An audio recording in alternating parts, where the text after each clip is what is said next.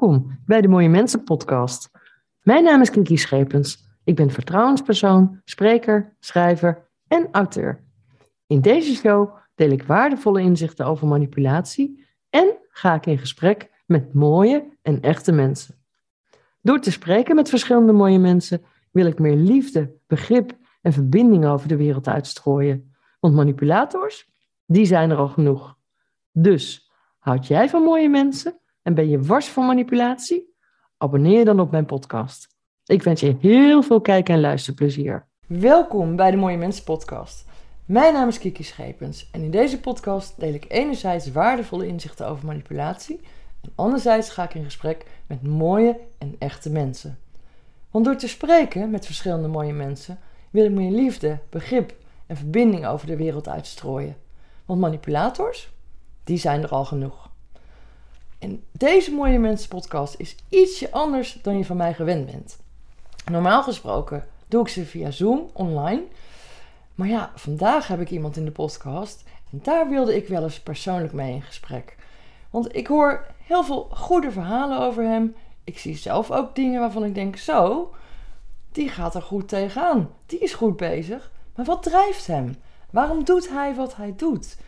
En ik dacht: ja, weet je, dan kan ik het net zo goed aan mezelf vragen. Dus vandaag in de Mooie Mensen podcast heet ik van harte welkom Wiebre van Haga. Welkom. Nou, dankjewel. Ja. Leuk om hier te zijn en heel fijn dat we niet eh, via Zoom hoeven te, te spreken. Ja, nou ik waardeer het ook ontzettend dat je vanuit Noord-Holland hier naar het mooie Hoekse Waard, Schravendeel bent gekomen. Ik vind het eh, ontzettend leuk om je ook in het echt te zien. Ja, nou leuk. ja, ja, en dankjewel ook. Want ja, voor de mensen die het mogelijk nou niet weten, ik kan bijna niet voor ze.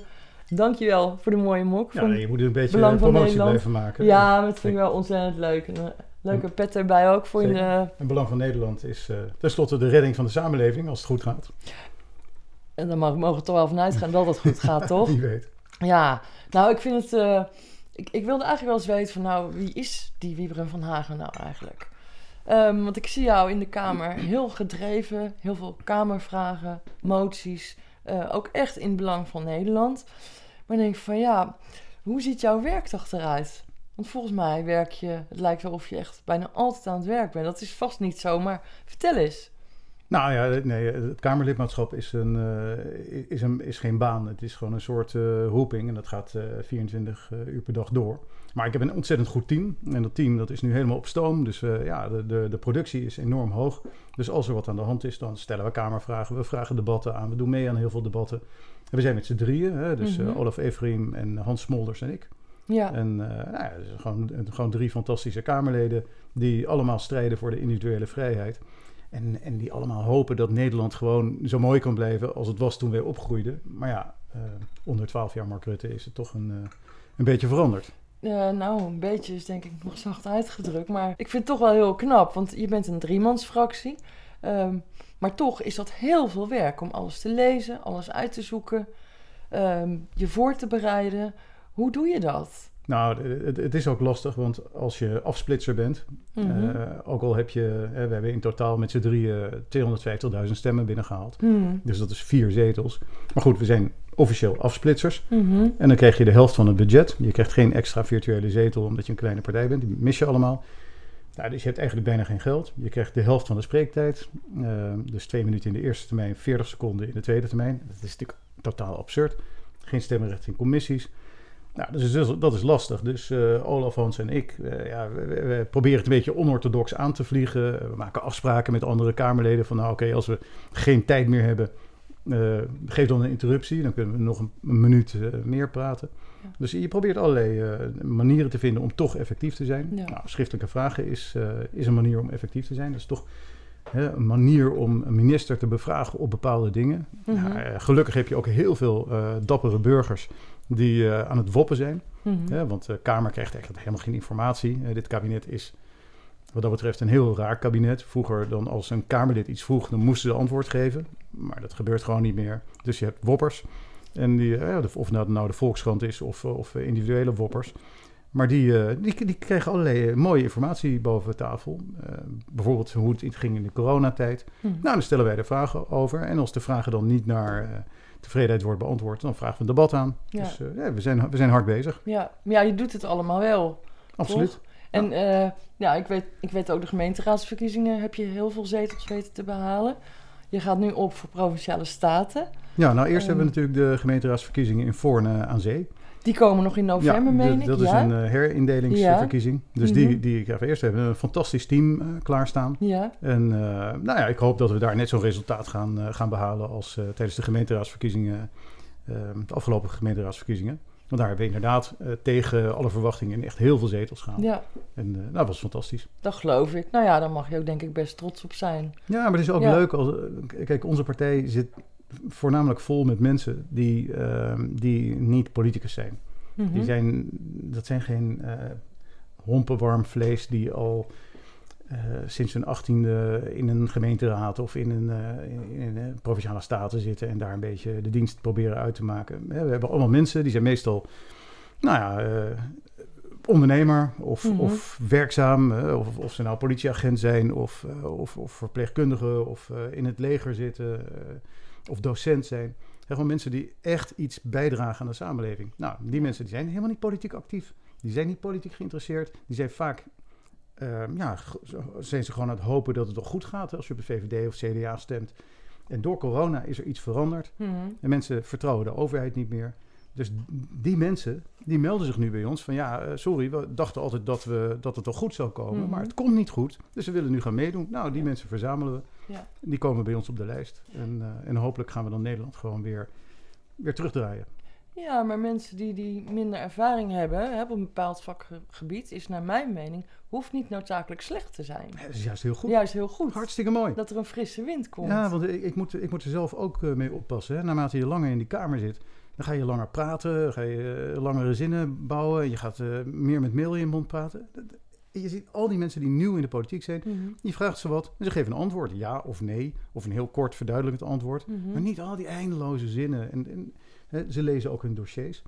Ja, dus. En dan vragen ze, ja, wat is dit nou? Hé hey minister, hoe kom je hier nou aan? Dat is. Hartstikke mooi. Ja, maar het is mooi dat je daarvoor open staat. Nou, ik, ik denk dat het essentieel is dat Nederland gewoon nu eh, een, een- bestuur krijgt dat bestaat uit gewone mensen met gezond verstand.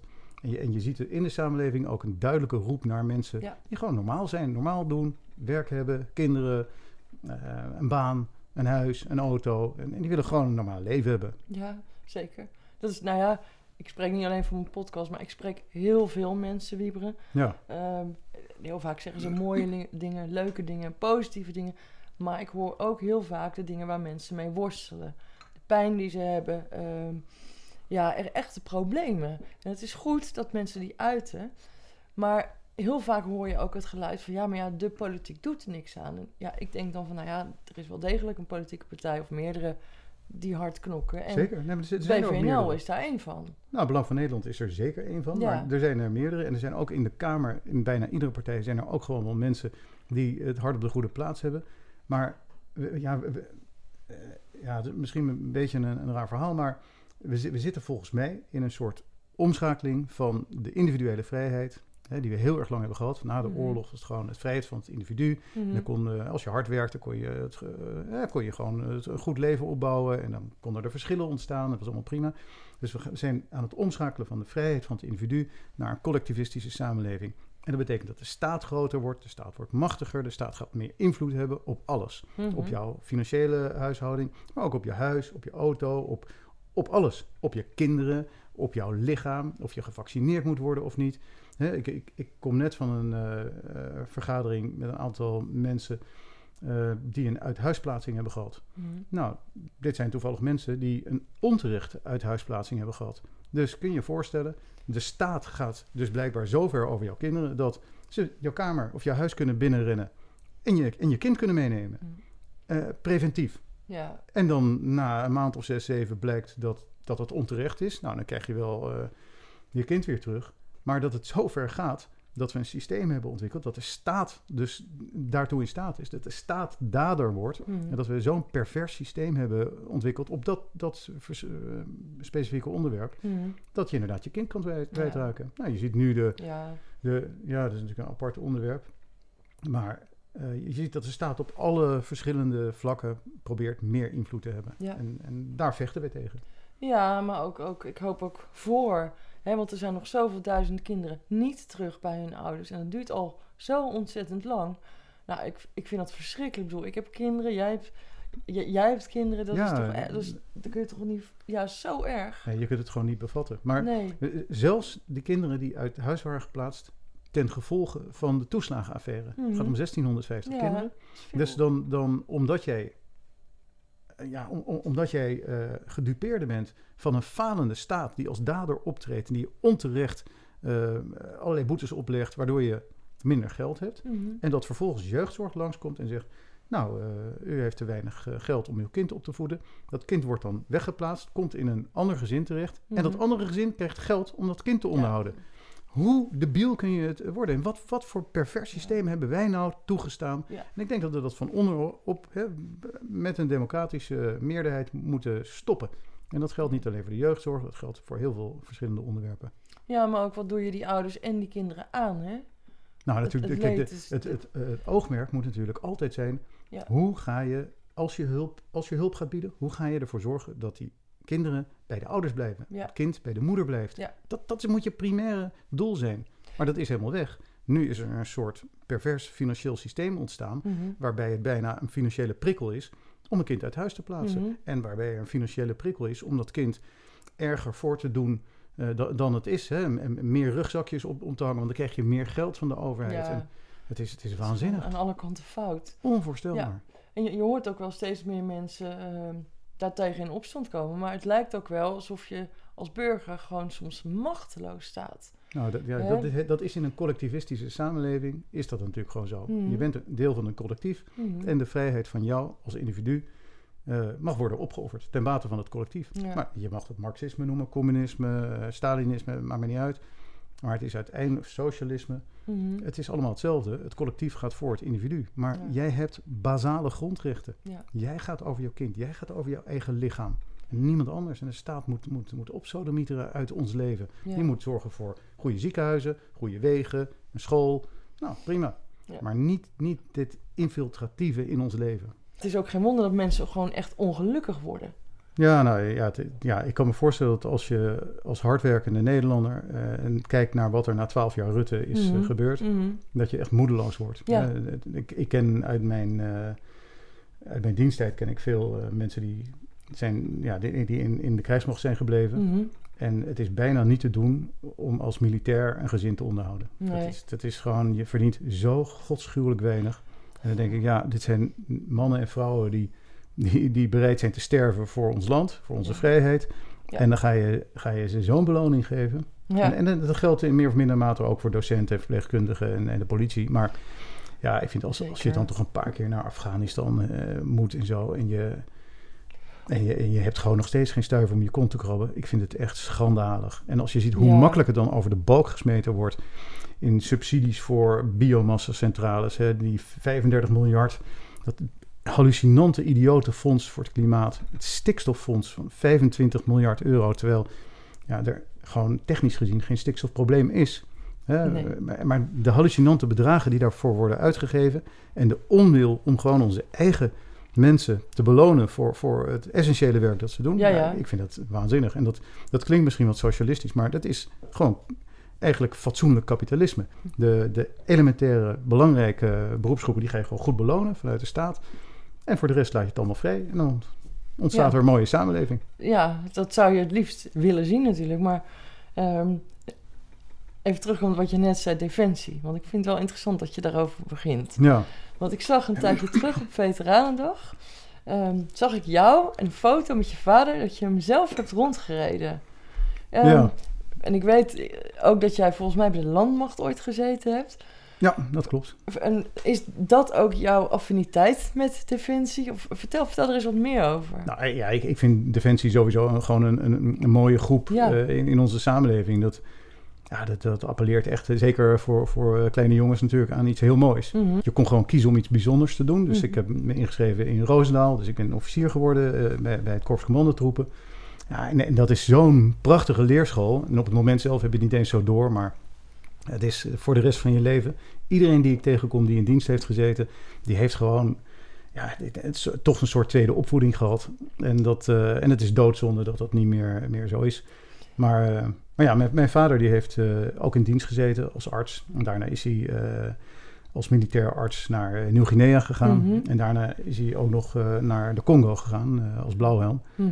Dus ja, hij heeft veel langer in, in het leger gezeten dan ik. Maar ja, hij is nu 86. En Ja. Ja, ik vond het wel heel mooi om dan samen toch? met hem naar, eh, Ja, naar Veteranendag te gaan. Ja. En ja, dan ontmoet je ook al die oude bokken weer. En tot, tot, tot zijn grote vreugde kwam hij ook iemand tegen die, eh, die ook in Nieuw-Guinea eh, daar was geweest. ja, geweldig. En, want hij dacht dat hij de laatste van zijn bataljon was. Nou, Oh. er bleek er gewoon nog iemand te zijn. Dus ik heb ze met z'n tweeën op de VIP-tribune gezet. En die hebben een fantastische tijd gehad. Ja, geweldig. Maar dat was heel mooi. En als je dan ook ziet, als je daar rondloopt hè, op het Malieveld... en je ziet al die veteranen. Ja, ik ben zelf geen veteraan. Dat is echt eh, ja, een bucketlist dingetje dat ik nooit zal doen. Mhm. Nou, dat kan niet meer. Maar het- ja, dan, dan denk je wel, wat, wat is Nederland mooi? Ja, Wat zijn er toch gewoon ongelooflijk veel hele goede mensen... die het hart op de goede plaats hebben. zeker weten. En eh, ja, ja ik, ik, ik vind ook eh, het eerbetoon voor die veteranen en de aandacht voor die veteranen moet, moet veel beter. Als je het veteranenpensioen ziet, ja. nou, dat is, of pensioen überhaupt van de, Ja. van de militairen. Is, het is gewoon, gewoon, dat is beschamend. Het, is- het is ook niet meer aantrekkelijk hè, voor jongeren. Ja, natuurlijk, of je moet echt vanuit je hart heel gedreven zijn om bij Defensie te willen. Nee, maar eh, die mensen doen het ook helemaal niet voor het geld. Ja. Dus Nee. zij zullen ook nooit voor zichzelf strijden. Voor, ze gaan niet staken. Dat, eh, dit zijn gewoon Nee. gezonde Nederlandse jongens en meisjes. Ja, En die doen hartstikke goed werk. En die, daarvan mag je niet verwachten dat ze ook nog eens een keer naar een loonstrookje kijken. Nee, dat moet gewoon meer dan voldoende zijn. Ja. Ze moeten ruim beloond eh, worden. En dat doen we nu niet. En Nee. eh, ik, ik vind dat echt een, ja, een schande. ik ook. Ik ook. Maar ik vraag me ook af, want naar mijn mening zou, zou er nog beter... De laatste jaren is dat wel verbeterd. Hè, dat, dat ze steeds meer kijken naar de mensen die uitvallen door PTSS. Niet alleen binnen het defensieapparaat, maar ook de politie. Eh, maar ik vind dat daar nog meer op gemonitord en nog meer in geïnvesteerd zou moeten worden. Maar eh, hoe sta jij daar tegenover? Hoe, hoe staat het Belang van Nederland daar tegenover? Ja, ik, denk- ik denk dat als je mensen in ge- gevaarlijke situaties brengt... of dat nou de politie is of, of, of dat nou militairen zijn... je moet gewoon goed voor zorgen. Want Ja. zij, offeren iets op. En op een gegeven moment eh, ja, eh, ja, breekt het draadje... En dan, ja, dan kunnen ze soms jarenlang eh, uitgeschakeld zijn. Ja. Ja. dan is het als samenleving wel snoeihard om je dan er niet meer om te bekommeren. Nee. En, ik, ik, ja, ik, ik, ik, ik ken er behoorlijk eh, wat die PTSS hebben. En ik vind de begeleiding echt abominabel slecht. Ja. En, en ook, de- ook de beloning, ook, ook de afhandelingen. Het is, er komt wel meer aandacht voor, dat moet ik wel zeggen. Mhm. Maar het is gewoon een vergeten beroepsgroep. Ja, maar ook qua En- materieel. Militairen roepen al jaren, we hebben beter materieel nodig. Ja, maar nu Eh, met die hele Oekraïne-oorlog zijn we natuurlijk... eh het is de apotheose van de uitverkoop van het Nederlandse leger. Eh, Het begon met eh Kajsa Ollengren... die het verschil tussen een, eh, tussen een sergeant en een major niet eens wist. En die ging op Insta ging ze ze- zeggen... oh ja, eh, bravo, we hebben 200 eh, stingers geleverd aan Oekraïne... met een emoticon van een, van een spierbal erbij. Ja. En ten eerste is het levensgevaarlijk om dat te doen. Ten tweede, hoezo... eh, trots zijn op het leveren van wapens in, een in oorlogstijd. Er gaat gewoon een Oekraïner, gaat er een Rus doodschieten. Het is gewoon weerzinwekkend. Maar daarnaast heb je ook militair, dus totaal geen eh kaas ervan gegeten. Dat, dat, als je dat al doet, doe je dat Mhm. helemaal in het geheim. Ik bedoel, nu, nu weet heel Rusland eh, weet dat je dat aan het doen bent. Ja. Nou, en daarnaast zijn we al die panzerhouwitsers natuurlijk aan het leveren. We, hebben niks meer. We kunnen onszelf niet meer verdedigen. De, de militaire top heeft gezegd, doe het niet. Hm. Hè, want want wij, wij, wij kunnen onze eigen veiligheid niet meer garanderen.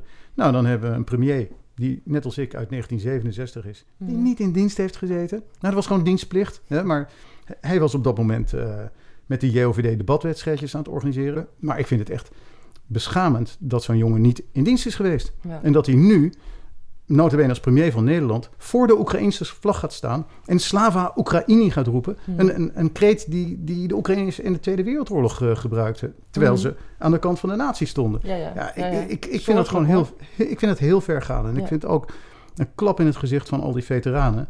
En eh, nou ja, je, je ziet ook heel veel ve- veteranen trouwens op al die demonstraties nu staan. En die, eh, nou, die, die, die denken er ook zo over. Ja, dit is eh, Ja, een rare nou, toestand. Er is heel veel leed, sowieso. Ja. Ehm, maar ik vraag me wel af, want jij zei van het staat eh, niet meer op mijn bucketlist hè, om veteraan te worden. Ja, want je bent ondernemer Nou, geworden. het staat op mijn bucketlist, maar Ja. de kans dat je op je 55 nog ergens veteraan gaat worden, nee, die nee. is eh, wel geslonken, denk ik. Ja, ja, maar het, de reden dat je uit, uit dienst bent gegaan, dat was ook vrijwillig, Wiebren? Ja, ik, ik heb gewoon, gewoon eh, mijn anderhalf jaar diensttijd gedaan. En Ja. het, eh, Oké, ja, met, ik, ik kijk er met heel veel plezier op terug. En eh, ja. ja, het is, het is eigenlijk een, een cadeau dat je van de samenleving krijgt. Hè. Toen was het zo van, ja, je moest eh 14 of 16 maanden, of ik weet niet meer hoeveel het precies was, moest je doen.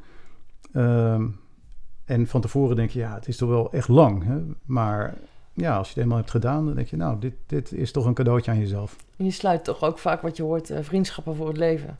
Absoluut. Met sommige mensen. Ja. ja. Ja, Ja. nee, dat is heel hecht. Maar Ja. dat zie je ook op zo'n veteranendag. Nou, dan komen al die oude makkers weer bij elkaar. ja. Eh, ja, het, het is een ander soort ver- verbinding die je daar voelt eh, ja, dan, dan elders. Dat is niet uit te leggen eigenlijk. nee, het is moeilijk, ja. Dus volgend jaar weer? Ja, absoluut. Ja, Ja. nee, Ja, zeker. eh, Ja. Nee, zeker met mijn vader was het natuurlijk ontzettend leuk. Dat, ja, eh, dat geloof ik. ja, hij met zijn beret op, ik met mijn beret op. Ja, En, geweldig. Ja, ik vind het geweldig, zulke dingen. Dat, Ja. En dan denk ik van, ja, je doet het toch maar, weet je. Ik vind dat gewoon mooi. Ik vind dat eervol. Ja, ik hoop ook dat, dat de politiek dat een beetje op, oppakt. Ja. En dat zo'n Kajsa Ollengren denkt van nou, ik ben nu minister van Defensie en ook al weet ik van toeten nog blazen, laat ik in ieder geval eh, gewoon ervoor zorgen dat de lonen omhoog gaan, dat de pensioenen beter worden, dat de veteranen beter bediend worden. Eh, en dat, eh, nou ja, dat, da- daar staat belang van Nederland ook voor. Ja. En eh, ja, als wij op een gegeven moment ooit genoeg zetels kregen, dan gaan we dat ook zelf veranderen. Ja, nou, dat is, vind ik fijn om te horen. Ja, Ja, zeker. Jij zei dus straks ook, ehm, je bent ondernemer geworden.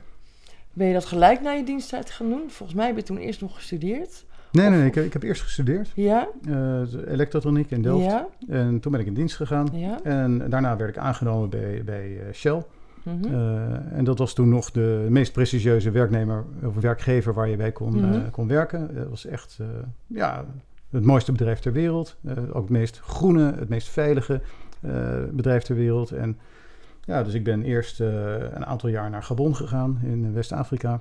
Eh, heb daar in de jungle eh, gezeten. En toen eh, daarna vier jaar in eh, Schotland. Dan heb ik ten noorden van de Shetlands eh, op de Brent Charlie gezeten. En daarna nog een paar jaar in, eh, in de woestijn, in Oman. En na tien jaar ben ik gestopt. Mhm. Eh, en ik was in de tussentijd was ik al aan het proberen te ondernemen. Maar de combinatie van zo- zo'n baan, hè, waar je toch echt hard, hard moet werken. eh, en ondernemen is, is lastig. Dus op een gegeven moment dacht ik van nou ja, nu, nu word ik ondernemer. En Ja. kijk, het, het gaat natuurlijk ook een beetje om die individuele vrijheid. Eh, ik, ik heb uiteindelijk een autoriteitsprobleem. Ja, nee, jij misschien ook. Ja, mogelijk. Nee, bijna, bijna iedereen die ik tegenkom die in coronatijd problemen had met de overheid of die, ja, die nu met die energienood. Ieder, iedereen eh, die sympathiseert met het klassieke liberalisme heeft eigenlijk wel een autoriteitsprobleem. Want je wil die individuele vrijheid hebben. Mhm. Dus dat, dat zat er al vroeg in. Ik snap wat je bedoelt, maar ik, ja, ik zou het eigenlijk dan om willen draaien. Een autoriteitsprobleem. Is het dan niet gewoon een kwestie van kritisch denken? En dan is mijn tweede vraag, wat is daar mis mee? Want autoriteitsprobleem klinkt heel negatief. Terwijl ik vind zelf kritisch denken. Als je gewoon ergens over nadenkt en je bent het er niet mee eens, wat is daar mis mee? Nee, dat, dat is ook heel goed. Alleen je merkt eh, dat sommige mensen, die nu bijvoorbeeld bij de SP en eh, bij eh, de Communistische Partij Nederland zitten, die nu heel zalvend GroenLinks heet, maar dat is natuurlijk gewoon een communistische partij, dat die mensen zich heel erg prettig voelen in een collectief. Mhm, Die willen opgaan in de groep. mhm. En die vinden het heel prettig dat de staat alles bepaalt. Nou, de mensen die bij BVNL zitten of die vroeger onder Bolkestein bij de VVD eh, zaten. eh, en een hoop zwevende kiezers nu. Ja, die, die, die, die willen gewoon die vrijheid eh, voor zichzelf. Die willen zelf bepalen hoe ze hun kinderen opvoeden. Zelf bepalen of ze een huis huren of een huis kopen. Die willen zelf bepalen of ze gaan vliegen of dat ze gaan lopen. Dat, die gaan alles zelf bepalen. En die zitten helemaal niet te wachten op een, nou, op, op, op een baas of een ouder die je vermanend toespreekt. Maar zeker niet op een abstracte staat Nee. die dan alles voor je gaat bepalen. En ja, ik vond het heel mooi bij Shell. Maar op een gegeven moment dacht ik van nou, nu wil ik het gewoon zelf bepalen. Ja. Ik had niet door dat je als ondernemer ook heel vaak niet vrij bent. Omdat je dan veel meer te maken hebt met de overheid dan, eh, nou, dan bij zo'n groot bedrijf. Want zo'n Mhm. groot bedrijf heeft natuurlijk toch veel macht. En is, wordt heel erg verwelkomd in heel veel landen. Hè. In een land als Gabon is, is een, een bedrijf als Shell ongelooflijk positief voor zo'n land. Die Mhm. leggen wegen aan, eh, er de, de, de groeit van alles. Elektriciteitscentrales. Dus een land komt echt op. Als je in je eentje begint als ondernemer, nou, dan, dan, dan dat is een drama. Want je, de overheid staat tegenover je als grote vijand. Mhm. Eh, en het is best wel lastig. Je hebt klanten, je hebt afnemers. eh, dus dat is, dat is moeilijk. Dus je bent niet volledig vrij als je gaat ondernemen. Nee, ja, ik snap wat je bedoelt. Ja, het is, Ja. Het is best lastig. Ja. En daarom sympathiseer ik ook met, met voornamelijk met ook heel veel eh, kleine ondernemers. Hè? MKB'ers met, met een paar mensen in dienst. Of, of ZZP'ers. Ja, Ja, ik geef het je te doen. Iedereen doet alsof ze schat hemeltje rijk zijn. Ehm, dit, dit- er zit heel veel armoede ook onder. En er zijn heel veel mensen die echt 80, 90, soms 100 uur per week werken. En helemaal niet zoveel overhouden. En eh, wat ook vergeten wordt hè, door de GroenLinksers en de, en de SP'ers. Er wordt ook risico genomen. Er wordt geïnvesteerd, er wordt geleend. eh, en als het misgaat, ja, dan zit je jaren op de blaren. Mhm. En als het goed gaat, dan is dat een beloning voor hard werken en risico nemen. Ja. En, en dat, dat wordt helemaal niet gevoeld. En Nederland was altijd een land waarin dat, dat kon en waar dat gewaardeerd werd. En nu zijn we verworden tot een soort collectivistische, jaloerse groep. Eh, of in ieder geval gedomineerd door de jaloerse collectivistische groep. Mhm. En die zitten dus in de Tweede Kamer en die maken nu de dienst uit. En Mhm. ja, ik, ik, ik, ik doe alles wat ik kan om dat te voorkomen. Samen met Olaf en Hans natuurlijk. Jawel, tuurlijk. Maar ik vind, eh, ik vind het goed om te horen, want wat jij omschrijft, die pijn, die hoor ik dus ook van heel veel ondernemers. Ja. Hè, van joh, door die hele crisis, het water staat me gewoon echt aan de lippen.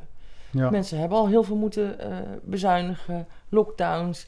Eh, zeker ook de ZZP'ers die alleenstaand zijn, hè, die er alleen voor staan. Ja. Het valt echt niet mee. Nou, co- corona is, is, ja, is echt een omwenteling geweest. Hè. Eh, Daarvoor had iedereen nog een beetje het idee dat je het zelf kon bepalen. Maar Mm. plotseling ging de overheid voor, voor, voor enorme grote groepen bepalen dat je niks meer kon. En er werd, ja, er werd wel een klein beetje gecompenseerd.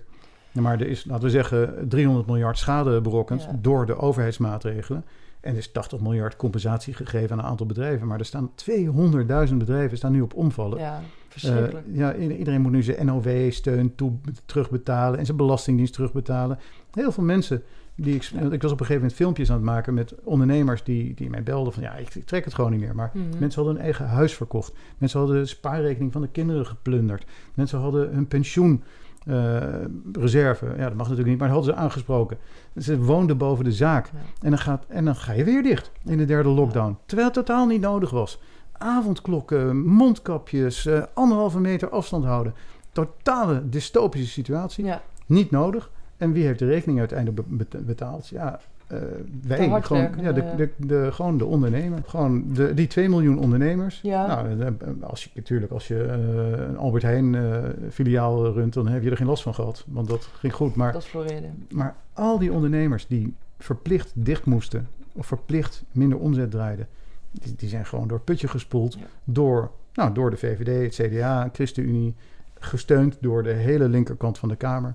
En in, in het begin was natuurlijk de hele Kamer het ermee eens. Hè? Was Mhm. ik, want ik was net eh, uit de VVD gegooid. Toen was ik de enige in die hele Kamer die vragen stelde bij van jongens, eh, wat doen we met de nevenschade? Mhm, mhm, Ik werd toen opgebeld door eh, een hoogleraar uit Rotterdam, hè, Michaele Schippers. En die had een paper geschreven over de nevenschade. Dacht ja, het is, het is bijzonder inderdaad. Waarom wordt er niet gekeken naar de nevenschade? hè? Als jij, als, als jij een lockdown gaat instellen, dan moet je toch zeker gaan bekijken of dat positieve of negatieve effecten heeft. En wat blijkt, dat hadden ze ook gedaan. Alleen uit dat onderzoek kwam dat het 620.000 levensjaren zou kosten en maar 100.000 zou opleveren. Is een netto resultaat van min 520.000 levensjaren. Ja. Dus gewoon met voorbedachte raden hebben ze dat rapport onder in de laag gedaan en toch een lockdown ingesteld. Ja. Terwijl ze wisten dat dat, dat, dat nou, ja, ik wil niet zeggen dat het moord is, maar je hebt in ieder geval, het is in ieder geval dood door schuld. Je hebt, je hebt moedwillig, heb je ervoor gekozen om kankerpatiënten niet te behandelen ten bate van een aantal coronapatiënten. Maar Mhm. de, de negativiteit, het negatieve saldo, was, was 520.000 eh, gezonde levensjaren die je vernietigd hebt. Ja. En ik vind dat echt laakbaar. En ik vind ook, ja, dat, eh, uiteindelijk hoop ik ook dat, de, nou, dat het recht zijn loop zal hebben.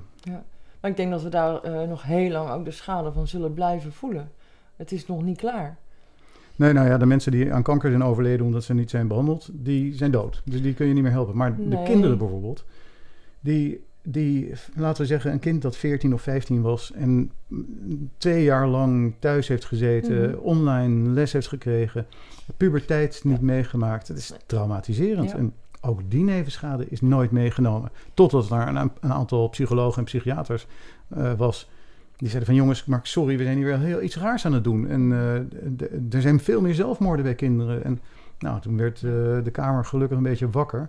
Ja. En nu, Wat- nu zit natuurlijk opeens eh, ja, een groot aantal partijen meer in het verzet. Mhm. Maar in het begin was het eh, huilen met de pet op. Ja, het, eh, nou, het, het is gewoon verschrikkelijk. En daar wil ik ook graag even op inhaken, Wiebren. Want Mhm. jij noemt het woord zelfmoord.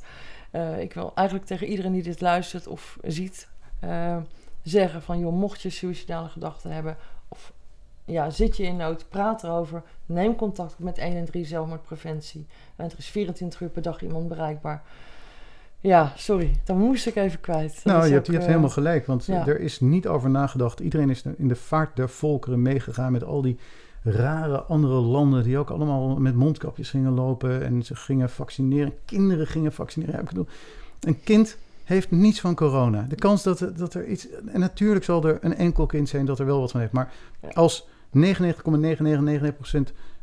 van de kinderen er niks van heeft, blijf van die kinderen af. Ja. En, en, en toch, dan zie je Hugo de Jonge zeggen... nee hoor, eh, als je je laat vaccineren kun je geen corona meer krijgen. En je kunt het ook niet meer overdragen. En je doet het voor de ander. En het blijken allemaal leugens te zijn geweest. Ja. In ieder geval, ja, of het is uit totale stupiditeit.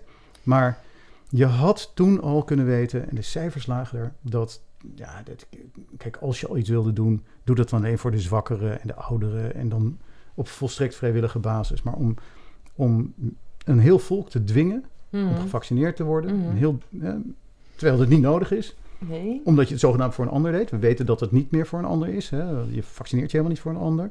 Maar, en om een heel volk gewoon maanden op te sluiten. En een heel volk om negen uur binnen te laten blijven. Ja. Terwijl een, een, een avondklok heeft nog nooit eh, een, virus beïnvloed. Het Nee. slaat helemaal nergens op. Nee. Al, als het al iets had gedaan, dan heeft het het verergerd. Omdat 80% van de besmettingen was of in de thuissituatie of bij thuisbezoek. Juist. Dus, dus ik heb me daar echt bijzonder over opgewonden. Ja. En, eh, en gelukkig kregen we steeds meer steun. Hè? Eh, groepen zoals Moederhart en heel, heel veel van die, van die groepen vrouwen. Die, Vrouwen voor vrijheid. Vrouwen, nou, Ja. vrouwen voor vrijheid, inderdaad. Je noemt er een. Ja. Maar die hebben een enorm effect gehad Ja. eh, in die, eh, in die coronadystopie. Omdat die als, ja, toch als een van de eerste opstonden. En zeiden van jongens, kom op, eh, denk eens na. Je, je, gewoon je natuurlijke immuniteit, daar moet je toch voor kunnen kiezen. Mhm. We zijn individuen, individuen. En als ik ervoor kies om corona te krijgen, prima. Ik heb twee keer corona gehad. Ja, ik had een beetje een snotneus. Nou, voor mij is het dan prima. Mhm. Maar ik kan me voorstellen dat mijn ouders die in de tachtig zijn, dat die zeggen, nou eh, oké, dan eh, ik kies voor een vaccinatie. Moet je allemaal lekker zelf weten. Ja. Maar dat de staat ging bepalen dat je dingen niet meer mocht als je niet gevaccineerd was. Ja, dat, dat, dat, is, dat, Dat- is, dat is collectivisme dat echt grenst aan, aan een soort to- totalitair gedrag. gaat mij ook veel te ver hoor. En bovendien ook, hè, wat je net zei, dat, eh, dat mensen praten over corona. Vroeger vroeg je toch ook niet aan iemand, was jij gevaccineerd of niet? Nee, natuurlijk Je niet. vraagt toch niet naar iemands, het is zo vertrouwelijk, je vraagt naar iemands gezondheidsstatus. Ja, Dat vind ik al grensoverschrijdend Ja. eigenlijk. En Maar dat mensen het gewoon heel normaal vinden om daar met elkaar over te praten. Maar ook, hoeveel familieruzies zijn er niet ontstaan? Ja, die waren misschien toch wel ontstaan, maar zo, Nou, hoe ontwricht je een maatschappij, hè? Nou, de, de, de samenleving is, is totaal gepolariseerd. En ik merk Ja. dat in mijn vriendenkring. eh, ja, er zijn echt heel veel vrienden verloren hierdoor. En mensen die echt dachten dat Hugo de Jonge het echt goed met ons voor had. En dat Mhm. Mark Rutte het, het, ja, ook echt, echt wel snapte. En, dat, ja, en ook eh, artsen onderling, hè. Mhm. grote groepen artsen. Het hele, het hele artsen-covid-collectief. Nou, eh, duizenden artsen. Die zeiden ja, sorry jongens, ik heb een eed van Hippocrates gezworen. En ik doe wat het beste is voor mijn patiënt. Ja, En niet wat Hugo de Jonge eh, zegt. Want Hugo de Jonge is geen arts. En dan gaat Hugo de Jonge proberen de BIG-registratie af te pakken van artsen. Ja, het, het is de omgekeerde wereld. We, we moeten ons als politici ook realiseren dat we gewoon van heel veel dingen helemaal niets weten. We het aan de experts over. ja. En, en ja, wat dat betreft vond ik het heel mooi dat zo'n Rob Elens Mhm. naar voren stapte en zei: Nou ja, ik heb goede resultaten hiermee. En werd meteen werd het weggedrukt. Eh Dr. Pierre Corey, heb ik veel contact toen mee gehad, Mhm. die ivermectine op de kaart zette. Ja. En gewoon hele goede resultaten had. En, en daar open en eerlijk. En die werd verketterd. Die werd van alle social media afgegooid. Ja. En ja, ik ben ook van LinkedIn afgegooid en YouTube. En ik denk van ja. eh, Waarom dan? ja, want wetenschap, wetenschap is, is niet iets zekers. Het is geen 100% garantie en je hebt alleen maar een model van de waarheid dat nu waar is. En over tien jaar is het weer anders. En, en je moet elkaar kunnen, kunnen uitdagen en challengen. En, uh, en dat was gewoon volstrekt weg. De staat bepaalde. Ja. En, en, en de, de negatieve effecten, die zullen we nog decennia voelen. Ja, ja. Maar ja, ik bedoel, zet twintig wetenschappelijke onderzoekers naast elkaar, hè, of uh, twintig groepen van twintig. Ze zullen allemaal een andere uitkomst geven. Wie zegt wat goed of fout is. Maar er wordt ook zo geoordeeld in deze maatschappij. Want wat jij nu zegt, ook dat je zelfs vrienden door bent verloren, dat vind ik, vind ik heel erg om te horen. Ja, nee, maar dat. dat uh, wat doet iedereen... dat met je? Nou, uh, ja, het is. Uh, nou, dit, dit, is natuurlijk heel erg. Uh, maar ik, ik begrijp het ook niet helemaal. Want het zijn allemaal mensen die weldenkend zijn, mm -hmm. die ik hoog acht, maar die zich blijkbaar toch laten meesleuren in zo'n ja, zo'n massapsychose. Mm -hmm. dat collectivistische gedrag van je doet het voor een ander. was natuurlijk een fantastische marketingstrategie. Je doet het voor een ander, dat klinkt heel goed. Maar wat een bullshit. Ik, hoezo laat ik me vaccineren voor een ander? Ik, ik heb alle vaccinaties genomen die ik ooit uh, in dienst, mm -hmm. in een hele cocktail. Um, nou, toen ik naar Gabon ging, uh, tot en met uh, hondsdolheid aan toe, weet ik mm -hmm. Dus mm -hmm. polio, difterie, tetanus, alles. En, maar dat zijn traditionele vaccins. En, en ehm, ja, ik denk dat het zo is dat ik me vaccineer, zodat ik geen polio kreeg. Ja. Nee, en, en, nu was er opeens zo, ja, zo'n verhaaltje van... ja, we moeten met z'n allen voor elkaar, de totale bullshit. Je doet het voor een ander. Ja, nee, mijn onzin. ouders die, die hebben zich gevaccineerd. Nou, dit doen ze voor zichzelf. Ja. Prima. Ja. ja. Nou, uh, moeten ze lekker zelf weten. Ja, ja is ieder zijn keuze, hè? Ja. Het is alleen, en uh... en als, als jij met uh, twintig mondkapjes op je hoofd wil lopen, be my guest. Ja. Maar dat, dat je met een niet werkend stoffen mondkapje in een trein moet gaan zitten. Ja, sorry hoor, maar dat, dat doe ik niet aan mee. Ik heb geen mondkapje gedragen. Nou, ik heb het trouwens één keer moeten doen. Mm -hmm. Werd door een gemeenteambtenaar in Haarlem werd dat geëist toen we de lijst uh, gingen inschrijven. Ja, ja. En toen, ja, dat was, dat was natuurlijk ook een politiek statement van die lui. Maar ik mocht de lijst niet inschrijven als ik niet een mondkapje opdeed. Nee joh. Ja. Nee, Terwijl... Officieel kunnen ze dat toch niet verplichten? Nou, het was verplicht in openbare Ja, gebouwen. ja, en ik ja. deed het niet. En heel veel mensen deden het gelukkig niet. En Mhm. ik, ik, ik vond het wel grappig, want je had toen op een gegeven moment dat onderzoek in Delft. eh, dat, dat met die stoffen mondkapjes. Dan lieten ze zien hoe die aerosolen. Nou, binnen een uur, eh, of nou, binnen een paar minuten zit iedereen ook in elkaar. Wij zitten nu al lang in elkaars adem. Ja. Dat is hartstikke goed, want eh, onze weerstand gaat ervan eh, omhoog. Maar die mondkapjes, dat sloeg nergens op. En dat je dan toch mensen hebt die bereid zijn ongelooflijk veel ruzie te maken Mhm. om de ander te, te dwingen om een mondkapje te dragen. een soort, ja, een soort verslaving aan de macht. Ik, eh, ik, ik begrijp het niet. Terwijl, ja, wat mij betreft, eh, ja, al, al hang je jezelf op. Ik vind het prima, maar Ja. gaat mij niet verplichten. Nee, maar terwijl ik toch, toch ook wel heel veel mensen hoor van... eh, nou, eerst stond ik er helemaal achter, maar nu ga ik toch wel twijfelen. Waarop ik dan denk van, of ga je nu pas nadenken? Maar goed, daar wil ik dan geen oordeel Nou, over maar ik ben al heel erg blij maar- als mensen nu gaan twijfelen. Ja, Als mensen nu terugkijken en, en ik, ik spreek er echt heel veel. En vroeger was het zo dat ik had echt twee uur nodig om iemand eh, te overtuigen. mhm. En dan leg je wat statistieken voor. En, en nu tien minuten en dan vraag je van... joh, die, eh, die avondklok, ben jij toen Mhm. binnengebleven? Ja, natuurlijk. Hè, ja. Maar, Mhm. maar denk je dat het iets van effect heeft gehad? Nou ja, achteraf nee. nee. En dan Nee. denk je, ja... Maar, als je met je hond naar buiten mocht, mocht het wel. Ja, dat was dan wel weer raar. Maar als je hond niet aangeleid was, ja, dan...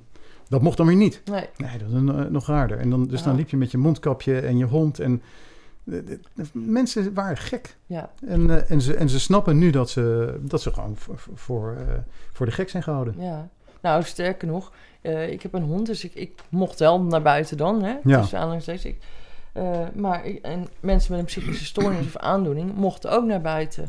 Nou, Wiebren, nou heb ik een hele grote hond, maar ik vond het toch toen akeliger om buiten te lopen in het donker dan nu hoor. Want er liepen gewoon veel, veel meer mensen rond. Hè, met- en ook veel minder mensen, omdat ze binnen zaten. Ja, nou, bij ons was het zo in Haarlem, eh, want ik woon aan de Haarlemmerhout. Mhm. Echt klokslag slag 9 uur. Ja. Waren er gewoon heel veel mensen die recalcitrant waren. En Ja. zeggen, bekijk het maar, ik ga nu wandelen. Mhm. En dus het was opeens... Om 9 uur Oh, werd het gewoon waar? drukker. Ja, eh, ja, mensen die gewoon toch zeggen van... Ja, de overheid heeft hier niets mee te maken. Ja. Gewoon volwassen man of vrouw, bekijk het maar. Ik, eh, ik doe niet mee. Mhm. En, en ik, ik vind dat heel, heel goed. En ik vind, ik vind het ook heel goed dat er mensen zijn die de druk hebben weerstaan tegen de, die enorme massale dwang die, die Hugo de Jong en Mark Rutte ons hebben opgelegd. Mhm. En die gewoon ja, hebben laten zien dat ze ook onder druk niet volgen wat de staat ze- oplegt. Mhm. Hè, want niet iedere wet die gemaakt wordt is eh, noodzakelijkerwijs goed. Hè? Er Nee. kan onrecht kan wet worden. Ja. En, ja. ja, en, en ik, ik denk dat je nu hebt kunnen zien ja, dat eh, ja, de echte vrijheidsstrijders zijn wel blijven staan. Ja. En gelukkig komen er steeds meer bij. Ja. En ik denk dat als we nu nog een keer dit soort idiotie gaan meemaken, dat er heel veel meer mensen zullen zijn van ja, ik heb dit één keer gedaan. Mhm. Ja, het, was, het sloeg nergens op en ik ga niet nog een keer mijn winkel dicht doen. Die, eh, die geluiden hoor ik inderdaad ook, ja. Maar ook omdat mensen ook het, water aan de lippen staat gewoon. Ja, Hè? Een mevrouw die eh, mij van de week vertelde van... joh, ik, ik ga gewoon binnenkort 1800 euro betalen aan, aan mijn energierekening. ja ik krijg net mijn eh, nieuwe voorschot. Nou, ik hoef niet te weten hoor, maar... Het, het- Nou, je mag het best weten. Ik, ik ga van 400 euro naar 2100 euro per maand. Ja, Ja, jongens. dus eh, ik heb meteen alle ketels uitgezet. En ja, Ja, dat, maar- dat, dat- dat kan toch niet? Het zijn toch geen bedragen meer? Nee, nee, laatst was er ook iemand die twitterde dat ze omhoog was gegaan van, ik geloof, 225 naar 900. Ja, Ja, ik weet niet wat die mevrouw verdient, maar ja maar... dat, dat gaat gewoon niet. En dan denk ik, raakt dit ook Hugo de Jonge en Mark Rutte? Nou, denk, of, of, of Rob Jetten, hè, die is daar ook mee bezig. Of, of Christiane van der Wal met haar stikstofgekte. hmm. we, we zijn dat hele gasveld in Groningen zijn we nu aan het sluiten. Hè? Er, zit een econoom ja. op, eh, Hans Veilbrief. Die heeft als opdracht gekregen vanuit D66... we gaan naar nul. We gaan dus, nou, hij zegt 450 miljard kuub... maar Mhm. volgens mij is het 600 miljard kuub. Maar goed, de officiële cijfers zijn nu opeens bijgesteld. 450 miljard kuub gaan we daar in de grond laten zitten... terwijl het technisch mogelijk is om veilig dat gas te winnen. Ja. Dan ga je dus op een laag productieniveau ga je zitten van, laten we zeggen, maximaal 12 miljard kuub per jaar. Eh, je gaat bijvoorbeeld waterinjectie toepassen of stikstofinjectie om de druk in het veld op pe- peil te Mhm, houden. mhm. Dan heb je veel minder of geen seismische activiteit meer. Dan ga je daarnaast de Groningers nu eens een keer wel compenseren. Want we hebben die Groningers natuurlijk gewoon 30, 40 jaar compleet verneukt. Ja. En nu gaan we ze voor de tweede keer verneuken door het veld dicht te doen. Waardoor dat geld, en het is nu duizend miljard die er nog in de grond zit, maar dat geld dat blijft daar zitten. Ja. Dus we zitten en met een energiecrisis en we zitten met Groningers die niet gecompenseerd zijn. Terwijl het technisch verantwoord is en gewoon een politieke onwil is, maar het is technisch verantwoord om dat veilig, of technisch mogelijk om het veilig te, te winnen. En je zou natuurlijk best iets kunnen bedenken. Dus dat, nou, we hebben nog duizend miljard euro daar in de grond zitten. Ja. Weet je wat? 10% gaat sowieso naar Groningen. Dus we maken een fonds.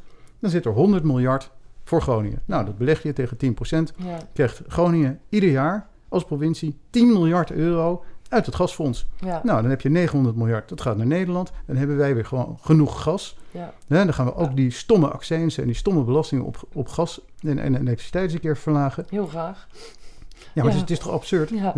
Niemand kan zijn gasrekening meer betalen. Maar wat blijkt? Wij betalen veel meer dan in andere landen, omdat de overheid er allerlei belastingen op opheft. Ja, Dus dat kunnen ze Dus- makkelijk doen. dat dus lijkt mij ook. makkelijk verlagen. Ja, dat lijkt mij ook. Maar heb je die huizen in Groningen wel eens gezien? Joh? Ook met al die, ik heb het gezien met eigen ogen, met al die scheuren erin. Hoe de mensen gewoon...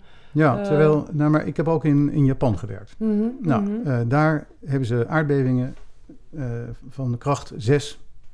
op de schaal van Richter. Ja, Nou, dat is een, een, dat is een, een, een groot verschil. Hè, het, het, is een, het is een logaritmische schaal, dus er zit een factor 10 tussen 5 en 6. Mhm, Het is- mhm. Tussen 3 en 6 zit een factor 1000. Nou, de zwaarste aardbeving in Groningen is geloof ik 3,6 op de schaal van Richter.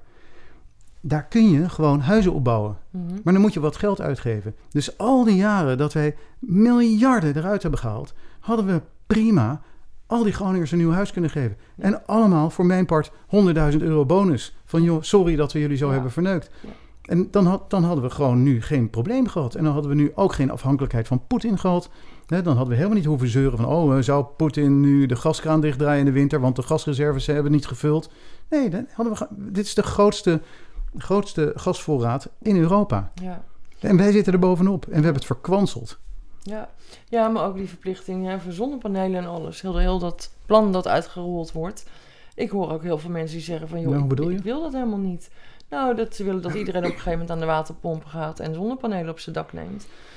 Ja, Ehm, nou, dat, is een, dat is een beetje toch ja. het gevolg als je mensen die technisch incompetent zijn op ministersposten zet en ze iets, ja, iets laat verzinnen. ja. Dus Hugo de Jonge zegt, nou, ja, iedereen verplicht een, een warmtepomp over een paar jaar. Nou, er is geen warmtepomp meer te krijgen, er zijn geen installateurs te krijgen. Nee. En bovendien, de huidige warmtepompen zijn gewoon nog helemaal niet zo, zo rendabel. Dus het is helemaal niet zo goed. We hebben een prachtige gasinfrastructuur liggen. Die ligt er al. Mm. We kunnen prima op gas verwarmen. Gas is brandschoon. En als je het met een warmtepomp gaat doen, dan moet je elektriciteit hebben. Waar komt die elektriciteit vandaan? Nou, die komt dan uit een kolencentrale. Uit eh, Polen bijvoorbeeld. Nou, prima. Ja. Dus, dus je bent totaal het paard achter de wagen aan het spannen. Omdat Hugo de Jonge denkt dat hij iets goeds roept. Maar uiteindelijk is dat slecht voor het milieu. En in, in zijn wereldbeeld ook slecht voor het klimaat. Nou, dat is nog maar een tweede. Maar in ieder geval slecht voor het milieu. En dat geldt ook voor die biomassacentrales. Dat geldt ook voor, ehm, voor, voor al die zonnepanelen in, in velden. Dat, je, dat je gewoon akker, akkers, dat je boerenlandschap gaat opofferen. Ja, En, en daar zonne, eh, ja, hoe noem je dat, zonneakkers van gaat maken. Ja. Vervolgens de elektrische infrastructuur niet hebt opgeschaald, waardoor heel veel van die zonneakkers gewoon uitstaan, niks leveren. Nee, het is dystopisch. Ja. Terwijl, terwijl ik ben helemaal niet tegen zonnepanelen. Ik, eh, ik heb elektrotechniek gestudeerd en ik ben helemaal voor zonnepanelen. Mhm. Maar zet die gewoon op je dak. Ja. Hè, 80% van het Nederlandse daklandschap zit er nog geen zonnepanelen op. Monumenten mag je het niet eens opzetten. Eh, dus laten we eerst al die daken volleggen met zonnepanelen. Dan heb je ook niks te maken met die, eh, met die infrastructuur die je moet upgraden. Want je gaat gewoon lokaal produceren en lokaal consumeren. Mhm. Fantastisch. Mhm. Iedereen blij. Mhm. Maar ja, dat doen we niet. We gaan onze eh, landbouwgrond volleggen met, met Ja. zonnepanelen. Ja, Volslagen debiel. Ja. ja, verschrikkelijk ook. Ja, en, en, en, en heel erg jammer, want het kost geld, het levert niks op. Nee, nee, maar het is eh, ja, ook voor heel veel mensen een zorg. Hè? Dat ze ook echt denken van jongens, ik kan dat Die gewoon... ook- energierekening. ja, die energierekening, ik kan het gewoon niet meer betalen op een gegeven Ja, moment. maar ja, kijk, nu is het nog zomer. Ik bedoel, mensen hebben het nu nog niet koud. Maar nee, straks in de winter, eh, ja, je krijgt gewoon de deurwaarde aan de deur. Je, moet, je wordt gewoon afgesloten. En, en de overheid weigert gewoon de accijns te verlagen. Ja. Ja. het is, in ieder geval is nu duidelijk dat dit kabinet is niet bezig met het belang van Nederland, maar met het belang van ja, partijbelang, belang van de Europese Unie. Mark Rutte zie je de hele wereld overvliegen, van, van Washington naar Davos, eh, waar die allemaal leuke praatjes verkoopt. Maar het belang van Nederland, dat wordt ronduit verkwanseld. Ja, En het is doodzonde. ja, dat is verschrikkelijk. Ja, maar gelukkig hebben we binnenkort verkiezingen. Dus Ja, dan, ja, dan kunnen we in ieder geval de provinciale staten herschikken Mhm, en mhm. de Eerste Kamer eh, reorganiseren. ja, En hopelijk, hopelijk, hopelijk komen er dan genoeg partijen aan de macht. mhm. Hè? En ik hoop natuurlijk van harte dat eh, BVNL veel zetels gaat halen. Maar ik Ja. hoop ten zeerste dat in ieder geval al die eh, partijen die, die, die vrijheid hoog in het vaandel hebben, dat die een meerderheid gaan, gaan hebben. Zodat dit kabinet op geen enkele manier, dus ook niet samen met eh, GroenLinks en de Partij van de Arbeid, een meerderheid in de Eerste Kamer kan, kan hebben. Dus dan kun je al die wetten mooi torpederen. En dan wachten we rustig tot het kabinet valt. En dan sturen we Mark Rutte eindelijk naar huis. Hm. Ja, ja, Rita Verdonk zei dat zo mooi. Dat zag ik van de week in een filmpje. Ja, ze heeft het laatst gezegd, hè? Ja. Heb je het gezien? Ja, Ja, ja, ongetwijfeld. Eh, voor de kijkers en luisteraars. eh, eh, zij had gezegd van het doet er niet toe eh, dat je de langzittende premier bent. Het gaat erom dat als je terug kunt kijken, wat heb ik nou eigenlijk gedaan? Iets in die strekking, daar kwam het op neer. Ja, nou, ja, Rita Verdonk is natuurlijk een absolute heldin. En Ja, ja, het is Ja. natuurlijk doodzonde dat zij toen... Ja, toen zij van Mark Rutte won in de verkiezingen... Hè, meeste, meeste stemmen aller tijden, hè, als, eh, qua voorkeurstemmen. ja, Ehm, en, en toen in die stemming bij de VVD... dat ze toen nou, zogenaamd nipt verloor... Ja, dus de, de geschiedenis zou totaal anders zijn gegaan... als, als Rita de premier was geworden. ja, En eh, ja, ja ik, ik ben een grote bewonderaar. En ik, ik vind het ook heel erg leuk dat ze bij Hart voor Den Haag, hè, bij Groep de Mos, is aangesloten. Ja, En ja, het was natuurlijk fantastisch geweest als ze, als ze daar wethouder was geworden. ja. Maar ja, wie weet, hè, je, je weet nooit wat eh, de toekomst Ja. brengt. Nou, ik vind, ik vind het zo'n topper. Ja, nou, En denk van, als we nou ooit een vrouwelijke premier... Ja, ik wil jou niks ontnemen, maar als we nou Nee, ooit nee, een, nee. vrouwelijke premier voor het eerst zouden krijgen... dan zou ik haar dat ook niet alleen gunnen... maar ik denk ook dat ze er uitermate capabel voor zou zijn. Absoluut, maar dat Ja. is gewoon een vrouw die met haar poot in de modder heeft gestaan. Ja. En die, die inderdaad, nou, iedereen lacht een beetje om, maar gewoon recht door zee was. De, Ja. het, het, ja, zij had de, de, de Nederlandse Margaret Thatcher moeten zijn. Ja. En ja, dat is haar toch een beetje door allerlei politiek gekonkel ontnomen. Ja, Ja, en ik, ik, ik zou het prachtig vinden als zij gewoon eh, natuurlijk op een of andere manier weer een, een rol zou gaan spelen. Maar Ja. eh, nou, voorlopig doet ze dat in Den Haag en dat is Ja. eh, fantastisch. Ik heb, ik heb dat Ja. toen gevolgd bij de VVD. Hm. En ja, ja dat, was, dat was weerzinwekkend. Echt die, die, die politieke eh, beweging die dan ontstaat. Hè, Mhm. Met de achterkamertjespolitiek. Terwijl ja, zij, was gewoon de, de, de, de, Bolkestein, de, de Pim Fortuyn, de Hans van Mierlo. Ja. Ja, Ja. En, ja, dat, dat, en dat wordt dan in de kiem gesmoord. Ja, dat is erg. Ja, verschrikkelijk. Ja. is, niet in het belang van Nederland. Nee, maar daarom is denk ik zelf sowieso tijd voor een andere vorm van politiek. Wat jij er in het begin van het gesprek ook al aangaf. Ja, we zijn nog niet klaar hoor. Ja. Maar dat het gewoon tijd is voor andere mensen in de politiek. Ja, dat er een frisse wind gaat waaien. Ja, de- kijk, beschavingen blazen zichzelf op. En Mhm. de politiek heeft het ook een beetje. Mhm. Dus mensen selecteren eh, ja, mensen waar ze, waar ze niet veel eh, van te Ja. duchten hebben. Ja. Dus Mark Rutte heeft een, een enorm eh, nou ja, peloton om zich heen gecreëerd. Mhm. Van allemaal mensen die afhankelijk zijn Ja. en op eigen kracht eh, niet zoveel kunnen. En hopen dat ze nog een keer burgemeester worden of eh, staatssecretaris of minister Mhm. zelfs. eh, of wethouder ergens in een plaats. Nou, en, en die stemmen dan vier jaar of acht jaar mee en dan worden ze beloond. Maar ja, ondertussen ja, zijn het geen mensen die zelf ooit echt een bijdrage hebben geleverd. Ja. Het zijn mensen die politicologie hebben gestudeerd, als beleidsmedewerker beginnen of als persoonlijk medewerker. En dan ja, gewoon tassendragers. Hè. De- de- Mhm. ja, de- eigenlijk is dat, het is natuurlijk een rotwoord, maar de hele Kamer zit eh, voor een groot gedeelte, ge- gedeelte vol met tassendragers. Mhm. En soms zijn ze heel erg gewikt in het politieke spel. En ik verlies ook heel vaak van dat soort tassendragers.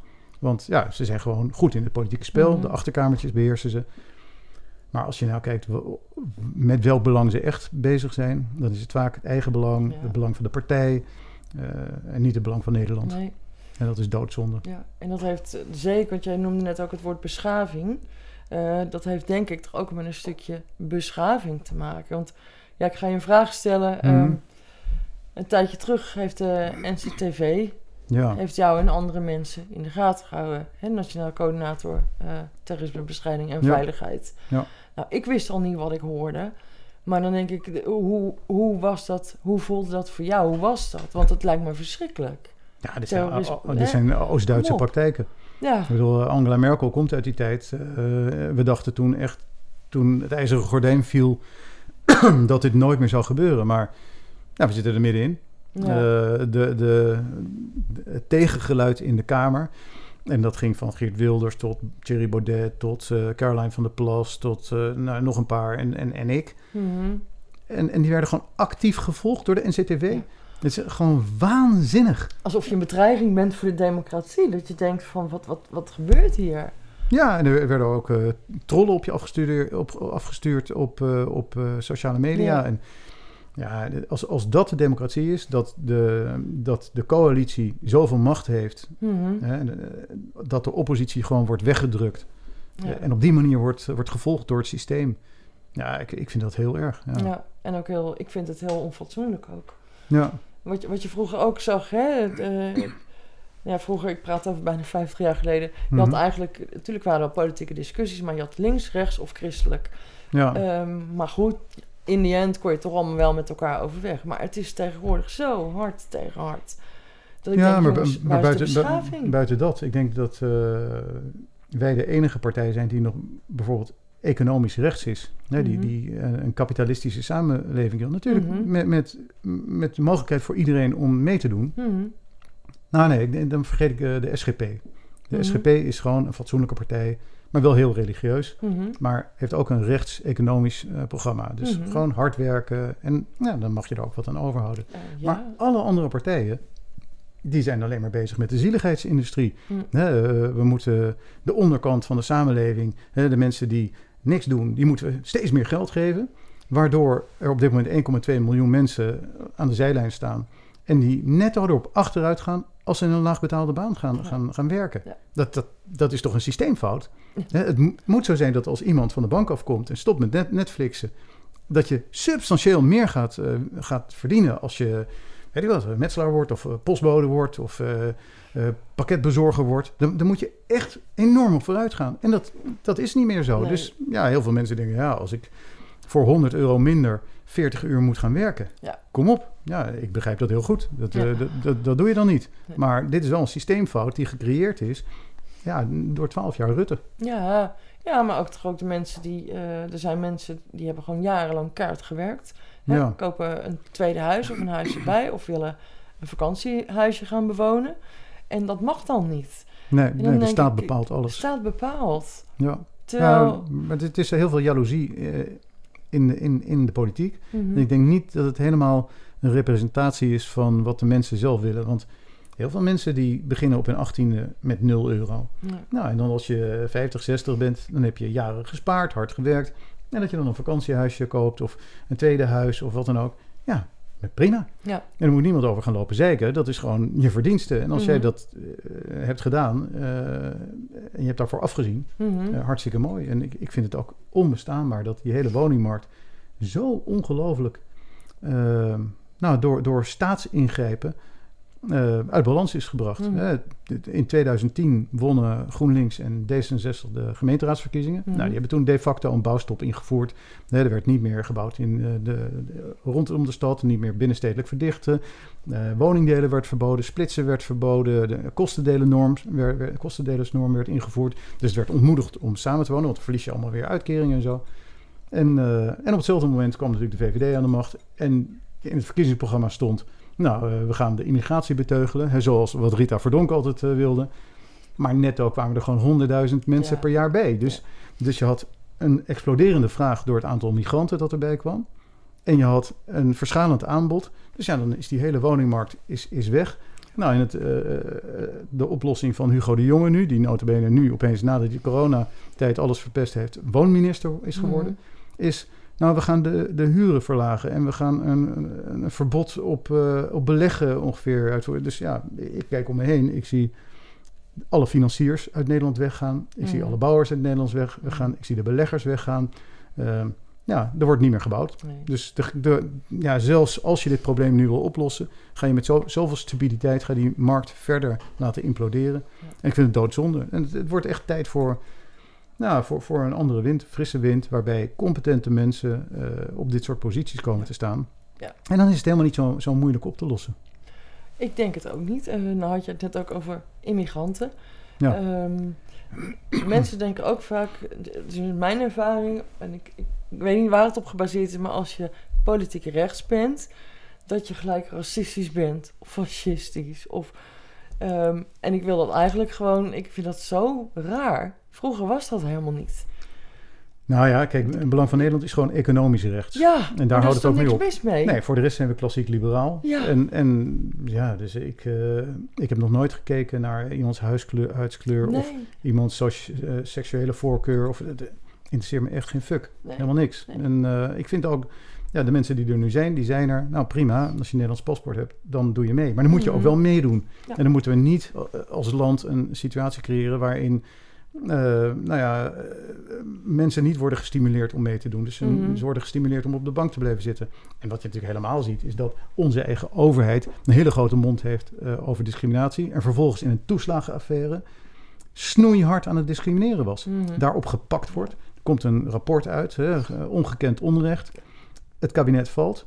En dezelfde poppetjes die verantwoordelijk zijn voor deze misdaad, hè, dit schandaal, die gaan gewoon weer door. Ja, Alsof er niks aan de hand is. En dan heb je ook nog, en dat, dat is misschien nog wel veel erger, die uithuisplaatsingen, die 1650 Mhm. kinderen, die ten gevolge van dit racistische beleid uit huis eh, zijn geplaatst, Mhm. omdat die mensen beslagleggingen kregen, geen geld meer hadden om een kind zogenaamd op te voeden. Nou, dan vraag je je af hoe dat kan, maar... En dan wordt zo'n kind uit dat huis weggeroofd, hè, staatsontvoering, Mhm. en die wordt dan in een ander gezin gezet. En dan betalen wij met z'n allen belastinggeld aan dat nieuwe gezin om dat kind op te voeden. Ja. Ja, geef dat dan aan het oude gezin. En nou, dit, dit is zo'n enorm schandaal. Ja. En ik heb dat aan Mark Rutte gevraagd. Van joh, je toeslagenschandaal vind je wel een schandaal. Maar die uithuisplaatsingen ten gevolge van het toeslagenschandaal vind je geen schandaal. Nee hoor, nee, dat gaan we zeer zorg- zorgvuldig bekijken. Want we weten nog niet wat ermee aan de hand is. Ik spreek heel veel van die moeders. Het is echt, het is om te huilen. Dit, dit, dit, dit moet, je kunt niet te veel van die gesprekken per dag doen. Nee. Want eh de moed zak je in de schoenen. Ja, dat geloof ik. Ja, dat geloof ik. Het, eh, ja, het is ook niet meer geloofwaardig, hè? Als meneer Rutte dat zegt, we gaan er naar kijken. We gaan er zeer zorgvuldig naar kijken. Nee, dus of hij herinnert zich niks, geen Nee. actieve herinnering, Ja. of eh, we gaan weer een commissie benoemen. Het is, maar het gaat allemaal, ja, de, de, de- het gaat allemaal om de macht. Ja. En, en dat spel wordt verdomd goed gespeeld door de zittende macht. Ja, het vertrouwen is ook weg. Hè? Ja, dat merk je ook natuurlijk. Ja. Het vertrouwen in, in dit kabinet is, is lager dan het ooit is. Het vertrouwen in Mark Rutte is lager. En Mhm. ik denk dat Mark Rutte echt wel goede dingen heeft gedaan in het begin. En ik was ook een fan van hem in het begin. Mhm. Maar ik heb hem wel zien veranderen. En ik vind helemaal die omslag van de individuele vrijheid... gecombineerd met verantwoordelijkheid. Mhm. Verantwoordelijkheid voor je eigen leven. Naar soort collectivisme, een soort neomarxisme, waarbij kansenongelijkheid en vermogensongelijkheid moet worden bestreden. En we, we heel Europa aan het betalen zijn om, om hun problemen op te lossen eh, en zelf onze welvaart aan het weggeven zijn. Ja, ik, ik vind dat een ontzettende slechte zaak. Ja. Wat dat betreft, ik was vroeger heel erg tegen een Nexit. Ja, ik, ik, ik heb de, ja, mijn moeder is Engels, dus ik heb de, de Mhm. Brexit op de voet gevolgd. Mhm. Iedereen schreeuwde moord en brand, hè, want dat zou allemaal zo erg gaan. Nou, het, het gaat helemaal niet zo slecht in, in Groot-Brittannië. Mhm. Totaal niet. Nee. Eh, ze, zij zijn net op tijd van, het, van, van de Titanic afgesprongen. En, Mhm. en wij, wij zijn het strijkorkest eh, dat eh, aan het zinken is. Ja. En ik, ja, ik, ik denk dat er moet echt wat in de EU veranderen. Ja. Want ja, ja, die soevereiniteit van, van ons land die moeten, we, moeten we bewaken. Ja. En, en ik ben totaal niet geïnteresseerd in wat Mark Rutte en consorten doet bij de EU of in Straatsburg of in Brussel of bij de WEF in Davos. Ik, ik wil het helemaal niet weten. Dat is niet in het belang van Nederland. Ga eerst hier orde op zaken stellen. Er is Ja. genoeg armoede, genoeg honger, genoeg mensen die nog eh, ja, die, nou, die hun energierekening niet kunnen betalen. Het is, er is zoveel mis in Nederland nu. Laten Ja. we dat eerst oplossen. Ja, maar ik denk ook, en dat klinkt voor jou misschien heel onwaarschijnlijk, hè? Maar als je zo met mensen in gesprek bent, dat mensen zich niet of niet voldoende realiseren hoeveel miljarden er naar Brussel gaan, naar de EU, Ja. en hoe weinig Nederland daarvan terugkrijgt. ja, en als we al iets terugkrijgen, dan moeten we daar enorme concessies Ja. voor doen. En, en dat, dat doet ons kabinet ook nooit. Hè. Ze, ze zullen nooit zeggen van nou sorry, maar nu is het wel eens een keer genoeg geweest. Wij gebruiken een veto. Ja. Dat doen we nooit. Nee, Wij, wij- ja, wij, wij buigen altijd naar, naar Brussel, zelfs als we grote fouten maken. we hebben bijvoorbeeld ooit tegen de EU gezegd van nou, eh, onze Natura 2000 gebieden zijn zandvlaktes en heiden. Hmm. Nou, dat zijn voedselarme gebieden. En de EU heeft gezegd, nou, dat moet je dan tot in de eeuwigheid zo houden. Hmm. Maar ja, dat is natuurlijk gewoon een transitiegebied. En het is heel leuk voor de weegbree en de brem en al die paarse bloemetjes. Maar het is een transitiegebied. Dus als je niks doet Ja. en er vindt stikstofdepositie plaats, hè, of er vallen blaadjes op, dan krijg je meer voedsel. En dan komt er een berkenbos, en een eikenbos. ja. Maar we hebben beloofd aan de EU dat, het- dat we dat nooit zullen laten gebeuren. Dus nu hebben we opeens daar wetten voor gemaakt. En die wetten verplichten ons dan om minder stikstofdepositie toe te staan. Dan kijken we nou, nou wie stoot er nu stikstof uit? Terwijl dat helemaal niet erg is. Terwijl een berkenbos of een eikenbos prima zou zijn. Ook beter voor CO2, beter, Ja, ja. beter voor de planeet als je daar allemaal eh, in gelooft. En dan kijken we naar de boeren. En dan zeggen we, nou goh, ja, die boeren die stoten ook wat uit. En in plaats van dan, als je er al in gelooft in het hele stikstofverhaal, want ik, ik ben ervan overtuigd dat het onzin is, maar als je al die stikstof eh, uitstoot wil verminderen, dan kun je allerlei innovatieve oplossingen verzinnen. Die kun je het, eh, afvangen, je kunt het omzetten in kunstmest, je kunt er van alles mee doen. Hmm. Maar dat doen we niet. Nee, we moeten en zullen eh, dat land van die boeren afpakken en, en, en onze voedselproductie om zeep helpen. En er, er zit iets, met name bij D66 is dat hoor, die enorme obsessie om de voedselproductie de nek om te draaien. En ik vind dat zo raar. Heb je boeren, ik heb boeren gesproken die al 14 generaties hetzelfde land bewerken. Hmm, hmm. En die zijn trots en die willen dat doorgeven aan hun zoon of dochter. Ja, tuurlijk. Nou, en dat, dat kan niet meer. Nee. Want Tjeerd de Groot van D66 heeft bedacht... nou, we gaan allemaal wat minder vlees eten... en dat is goed voor de planeet. Ja. Totale onzin. Überhaupt, ik bedoel... eh, dat wordt- je iets aan je kinderen doorgeeft... Is, Ja. dat, dat is iets wat... Nou, bijna, dat, daar moet je bijna voor schamen... Hè, dat je iets voor je kinderen doet. Maar dit is ook heel erg logisch. Binnen, nou, binnen het communisme was natuurlijk... het kind was gewoon van de staat. Maar ook Mhm. in onze collectivistische samenleving... moet de, de solidariteit tussen ouder en kind worden, worden doorgesneden. En ik vind dat Ja. weerzinwekkend. Ja, ik ook. Ja, dan denk je alleen al sowieso terug even nog naar de boeren. Ik vind het ook niet gek hè, dat de mensen in opstand komen. Nee, natuurlijk niet. het- het- het- ik vind het volkomen te begrijpen. Nou, zij, zij zijn de, de, de, de, de redders van de samenleving, de voorhoede. Ja. En het is ook zo dat de, het MKB begint langzaam door te krijgen. En de Mhm. vissers, Mhm. dat als de boeren eh, het onderspit delven tegen dit eh, rare kabinet... Ja, dan zijn de vissers aan de beurt en daar, daarna de, de rest van het MKB. En Ja, ja. dan wordt de hele ruggengraat van de samenleving wordt gesloopt. En ja. ik vind het gewoon prachtig om daar jonge jongens en meisjes te zien die op trekkers rondrijden en zeggen, nou ja, ik wil gewoon boer worden. Ja, En eh, dit is mijn passie en dat is prachtig. Ja. En hoezo? En, eh, ja, in, in, eh, in, in Friesland, uh, Tjitjerkstradeel, hebben we Nienke Koopmans. ja, Nou, die ken je. Ja. Ja, nou ja, oké, dat, is, dat is een boer. Ze heeft 200 eh, koeien.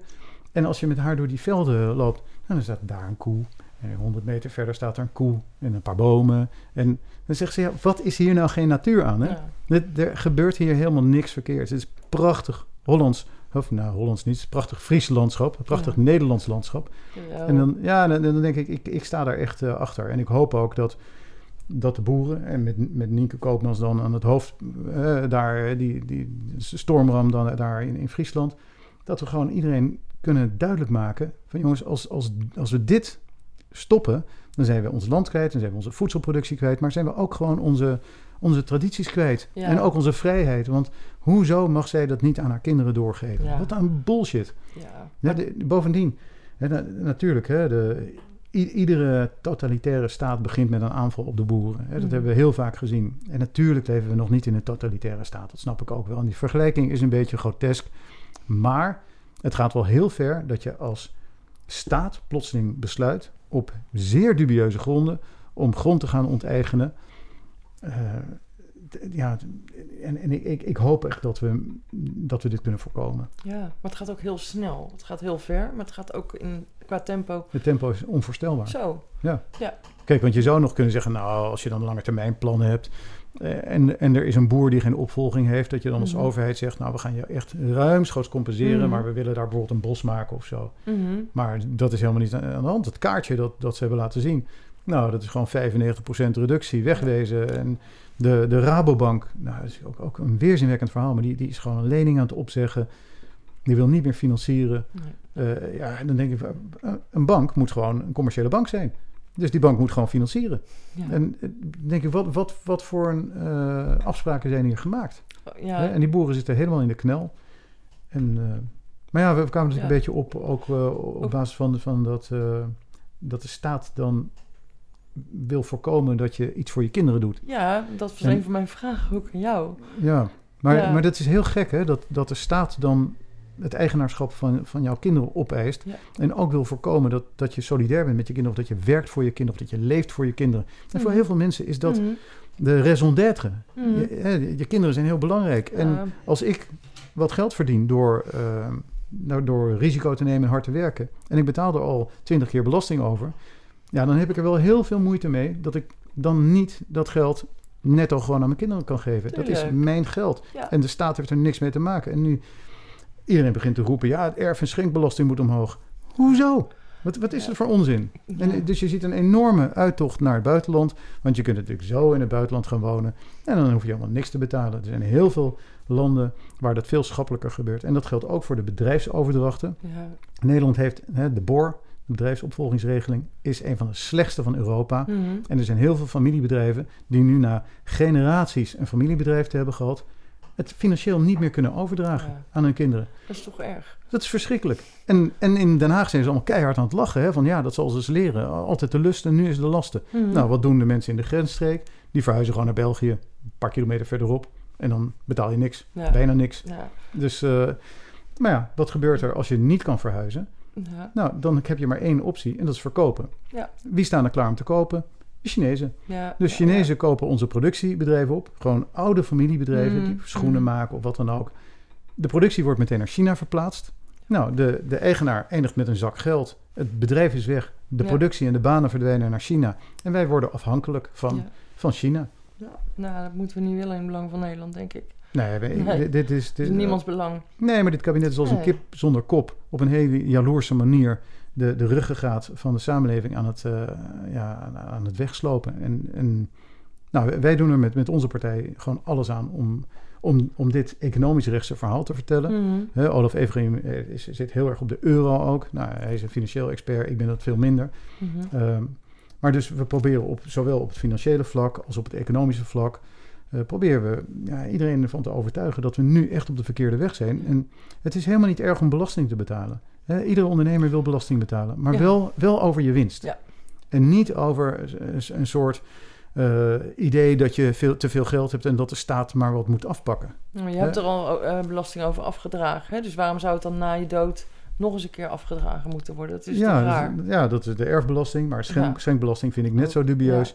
Eh, En, en ook vermogensbelasting. Ja, Ja, hartstikke leuk hoor. Dat als, ik, als ik op mijn vermogen geld maak, Nou, vind ik het niet, op zich niet erg dat ik daar wat over moet betalen. Mhm. Maar het wordt wel raar dat als ik vermogen heb en de staat zegt...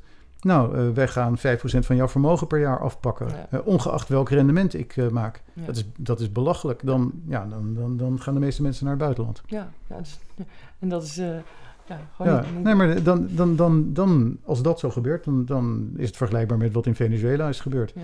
Uitermate rijk land, heel veel grondstoffen, heel veel olie en gas... Mhm. Het was fantastisch totdat Chavez kwam. En eh, ja, toen had je meteen natuurlijk eerst de, de topondernemers en de, de, de advocaten en de chirurgen. En die namen het vliegtuig, die gingen weg. Nou, in de tweede golf kwamen de mensen die met de auto, met eh, imperiaals op hun dak eh, het land ontvluchten. En nou, ik ben in, in Colombia geweest aan de grens. En dan, nu zie je dus mensen huilend met kinderen, met honger eh, de grens overlopen. Ja, want de socialistische heilstaat, die werkt niet. Nee. Als je mensen eh, hun, hun, hun basale rechten gaat afpakken, het eigendomsrecht, het recht om verschil te maken, het recht om ambitie te hebben, om Mhm. verantwoordelijkheid te nemen en succesvol te zijn, hè, te aspireren, sterren proberen te plukken, Creëren. of te falen. Ja. Als je dat recht afpakt en je zegt, nee, we zijn allemaal gelijk, dan doet niemand meer wat. Nee. En dan heeft op den duur iedereen kou en iedereen honger. Ja, verschrikkelijk. Ja, en ik, ik, ik ben er bang, van, bang voor dat we, ja, dat we nu een, een beetje in die beginfase zitten. Ja. Nou ja, ik hoop dat je zeker ook met Belang van Nederland... eh, ja, toch op de een of andere manier weer het roer om kan gooien. Absoluut. Nou, Ja. ja. ja, we zijn strijdbaar en Ja. we gaan dat doen. Gelukkig. Absoluut. Ehm, tot slot, want eh, ja, ik ook zal uren met je kunnen kletsen, maar Ja, ik weet niet hoe lang we bezig zijn. eh. ik heb geen idee. het Ja. gaat toch vanzelf? Ja. Nou, Ja. maakt niet uit. Nee, het Ehm, voelt heel kort. Ja, voor mij ook. Maar het, ehm, je had het net ook over kinderen. Hè? En toen dacht ik me ook van... Hoe gaat het eigenlijk met jouw gezin? Ja, als het een persoonlijke vraag is, moet je het zeggen. Maar Mhm. jullie hadden, nou vlak voor de zomervakantie... ook ineens wel een, een indringer in huis staan. Toen dacht ik, zal je maar gebeuren. Ja, ja dat is verschrikkelijk. Maar nou ja, ten eerste eh, staan wij als samenleving, eh, als politiek, als kabinet, staan we toe dat mensen bedreigd worden. Geert Wilders wordt geloof ik al 15 jaar beschermd, ik denk langer. beveiligd. Ja, ja. Die man heeft geen leven meer. En we staan dat gewoon toe. Hm. We laten dat toe. We gaan hem beveiligen en we gaan de mensen die hem bedreigen eh, met de dood, Mhm. er gebeurt helemaal niks mee. En ik, ja, ik, ik vind dat weerzinwekkend.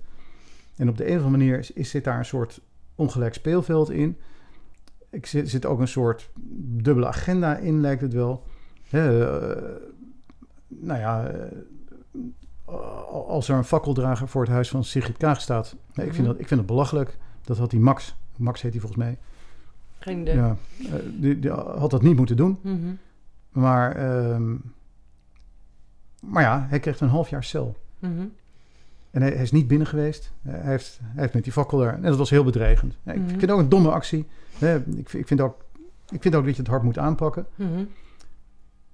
Maar bij mij komt er een vent eh, mijn, mijn terrein oplopen. En die vecht zichzelf naar binnen. Mhm. En die roept, waar is Van Haga? En nou, die, die was op zoek naar mij. Die vecht zichzelf naar binnen. Die komt mijn huis met geweld binnen. Hoe, hoe kon dat dan? Nou, eh, nou ja, eh, er stonden net twee eh, werkmannen, twee Mhm. monteurs, die Mhm. stonden ehm, een alarminstallatie Mhm. aan te leggen, omdat alle fractievoorzitters die worden nu beveiligd, want eh, ja, de, de dreigingen worden groter. Dus dat is op zich goed. Maar gelukkig waren die twee kerels daar, want mijn vrouw en mijn jongste dochter die waren thuis en die hadden anders de deur open gedaan. Die waren dan in elkaar getimmerd. Maar nu stond hij tegenover twee grote jongens. Ja, en die hebben hem gewoon horizontaal het, eh, het huis uitgeflikkerd. Ja, ja. Alleen het, het erge vind ik, en, en daar verbaas ik me over. ehm, die fakkeldrager bij Kaag, die kreeg een half jaar cel. Mhm. En deze Pipo de Clown, die duidelijk op zoek was naar mij en met geweld zich naar binnen vocht, Mhm. die werd gewoon om één uur s s'nachts weer Hè? vrijgelaten. Want hij, eh, ja, was, eh, ze zeiden, ja, hij is vast een verwarde man en niet zoveel aan de hand. En nou, het bleek ook nog, nog dat hij 150 meter van, eh, achter, achter mij woont. Dus het is een hele bedreigende situatie. Mhm. Nou, dan krijg je allerlei rare machinaties. Hè. Normaal gesproken, als er zoiets gebeurt, dan doet er iemand eh, in de Kamer van dienstbeveiliging of zo, doet, eh, doet aangifte voor je. Mhm. Nou, dat kon niet meer, dus ik moest zelf aangifte doen. En dan kan je alleen aangifte doen voor huisvredebreuk Mhm. en niet van bedreiging. Want ja, de officier van justitie had besloten dat dat niet zo was.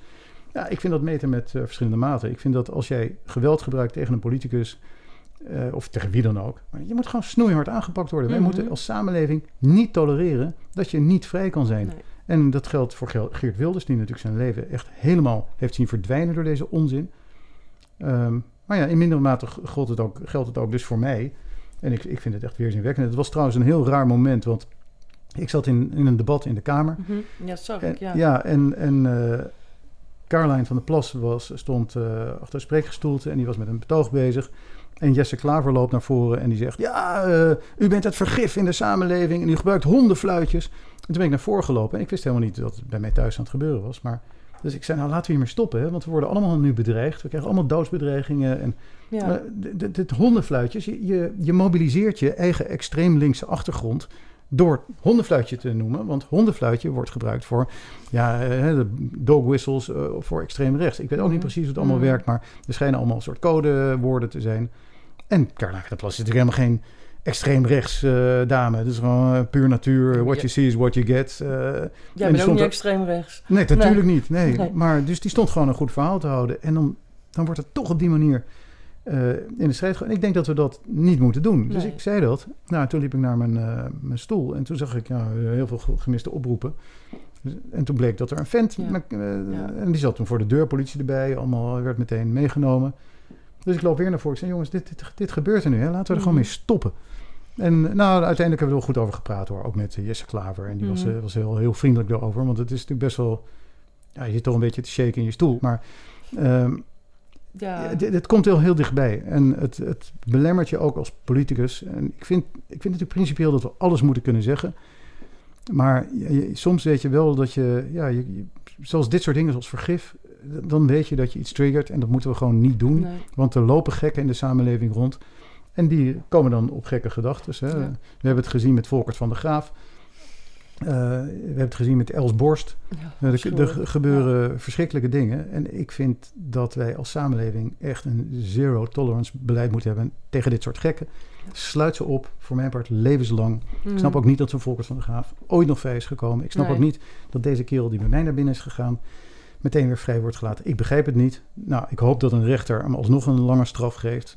En, eh, Ja. en anders zal ik wel weer eh, kamervragen gaan stellen of zo. Maar ja, je, Ja, je- maar je- gelijk je, heb hebt maar beperkte wapens natuurlijk. Jawel, maar het zal je maar gebeuren. Ik bedoel... eh, Nou, leuk is het niet. Nee, ik denk dat ook niet. heel veel mensen afhaken op de politiek. Ja, Omdat, ja, om- omdat dit soort dingen gebeuren. ja, Want het is gewoon, sowieso is het, ja, word je natuurlijk door de media word je met de grond gelijk gemaakt. mhm.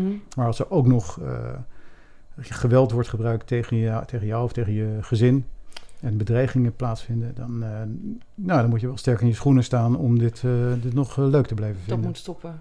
Sowieso. Eh, Alle vormen van geweld vind ik verkeerd. Maar dat het echt zo persoonlijk wordt, dat... dan denk ik wel eens, hebben we nou nog niks geleerd met z'n allen ook... van de moorden op Pim Fortuyn en Theo van Gogh. dat Ayaan Hirsi Ali moest vluchten. Ja, Weet je, onvoorstelbaar. Ja, ja. ja. ik weet het nog. En, Dat, Ik, ik vind het verschrikkelijk en ik snap ook niet dat zo'n kabinet helemaal in rep en roer is. Als er iets gebeurt bij Kaag voor de deur. ja, Ik heb niemand gehoord toen, eh, toen het bij mij gebeurde. ja. Niemand. Nou, Kijk, niet. het, het kan natuurlijk dat mevrouw Kaag zich bedreigd voelde. Hè? Dat kan. Daar kan ik niet over oordelen. Maar dat er dan niemand is... dat jij dan van niemand iets gehoord hebt... dat vind ik dan wel apart. nou het, het gaat mis volgens mij bij de rechterlijke macht. Mhm. Ik vind het helemaal prima Mhm. dat als jij met een fakkel eh, bij Kaag voor de deur staat. Vind Mhm. helemaal prima dat je snoeihard wordt, wordt afgestraft. Want het is, het is belachelijk. Wat, Het wat doe je daar met je niet. fakkel? Het hoort niet. Eh, nee, dat, dat, dat- nou, het hoort niet. Het is, als, als dat inderdaad wordt gekwalificeerd als bedreiging Mhm. door het OM, nou, dan moet je gewoon lekker de bak in. En, eh, dat is Ja. een goed signaal. Nooit Ja. meer doen. Niemand mag het ooit meer doen. maar, Maar als het bij mij gebeurt, dan Ja. verwacht ik exact dezelfde reactie van het OM. Mhm. En ik ben verbijsterd dat dat, dat niet gebeurt. heel apart. Het voelt ontzettend eh, kwetsbaar opeens. Ja, Hè? En eh, dan denk ik van ja, moet ik mezelf nog gaan bewapenen? Eh, want de staat doet het niet voor mij. De staat zorgt dus voor bepaalde groepen wel Mhm. en bepaalde andere groepen niet. En nou, dat, dat, is, eh, dat hoort niet in een democratische rechtsstaat. Nee. Nou, ik hoop ook echt wel dat het je nooit meer overkomt. Dat, ja. En voor je gezin ook. En voor die man hoop ik ook dat hij nooit meer komt. Nee, dat, eh, dat, dat ben ik helemaal met je Ja. eens. Ja, en dat hij inderdaad gewoon... eh, ja, de rechter moet erover oordelen, maar dat hij Ja, gewoon... nou, ik ben benieuwd. Het wordt wel interessant wat, Ja. eh, wat, wat de straf gaat zijn. En wanneer gaat dat spelen, Wiebren? Dat weet je Geen nog idee. niet. Dit, dit, dit kan, ja. Oké. Nee, dit kan maanden duren. Ja, ja. Het OM is volgens mij ook overbelast, en Overbelast, overspannen en Ja. burn-out. Ja, we kunnen blijven praten. Ja. Maar Ja, ik zou zeggen, sowieso bedankt voor je komst. Nou, jij bedankt voor het gesprek. Ja, en uh, ik wens je alle succes ook met de allereerste verkiezingen in Voorn aan Zee. Ja. En natuurlijk de Provinciale Staten. Um, maar ik vraag ook altijd aan mijn gasten, heb je nog een boodschap uh, voor de kijker of luisteraar? Nou is dat misschien een beetje een inkoppertje, maar als je zegt, ik heb nog mensen nodig voor de Staten of... Uh, ja, nou, maar ik laat het aan jou. Nee, absoluut. Uh, kijk, we, we, doen gewoon in twaalf provincies mee. Mm -hmm. En uh, we, we, krijgen heel veel uh, mensen die graag wat willen doen. Mm -hmm. mensen schrikken er vaak toch van, hè, was ook met de gemeenteraadsverkiezingen, van als eenmaal duidelijk wordt hoeveel tijd het kost. Maar ik vind, ja, weet je, vroeger gingen we in dienst. ik vind dat je, dat je je democratische plicht is om ook af en toe mee te doen. Dus beschouw het als een soort sociale dienstplicht. Mm -hmm. Om gewoon eens in de zoveel tijd, of één keer per leven in een gemeenteraad of in een provinciale staten te gaan, gaan zitten. En dat, dat kost geld. Dat, uh, ja, het kost tijd. Uh, zeker als je gewoon een goede baan hebt of je, je bent uh, actief. Dus het kost tijd. Maar het, het zou zo ontzettend veel helpen als gewone mensen met gezond verstand. die wel met een poot in de modder hebben gestaan, gaan meehelpen. Dus ja, ga naar onze site, ja. stuur me een mail, bel ons. je kan ons heel makkelijk benaderen. En het, het, het is echt van het grootste belang ik denk dat dit de belangrijkste verkiezingen zijn sinds, sinds 20, 30 jaar. Mm -hmm. Omdat we mm -hmm. nu echt dit uit de hand gelopen kabinet echt naar huis kunnen sturen. Mm -hmm. In ieder geval in de Eerste Kamer de voet dwars kunnen zetten. Dus, dus ja, ik, elke aanmelding is, uh, is welkom.